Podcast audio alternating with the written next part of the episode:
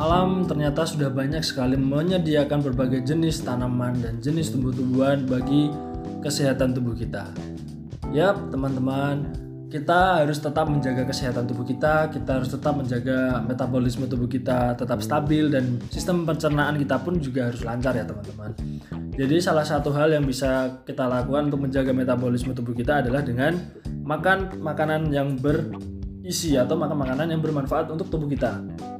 Salah satu manfaat makanan yang sangat bermanfaat untuk tubuh kita adalah sayuran ya. Jadi buat kalian yang tidak begitu suka sayuran, uh, aku sarankan lebih baik kalian mencoba walaupun itu sedikit karena apa? Karena sayuran itu banyak sekali mengandung serat dan banyak sekali mengandung vitamin, protein, bahkan gizi yang diperlukan tubuh kita diperlukan tubuh kita untuk metabolisme tubuh kita. Jadi sayuran itu memang ada yang rasanya enak dan ada yang rasanya gak enak tetapi percayalah teman-teman karena sayuran itu memang sangat diperlukan untuk tubuh kita untuk melancarkan sistem pencernaan kita melancarkan sistem peredaran darah kita metabolisme tubuh kita kesehatan tubuh kita gizi vitamin protein nutrisi kalium karbohidrat banyak sekali Pokoknya buat kalian mulailah dari yang sedikit karena itu sangat penting untuk tubuh kita teman-teman.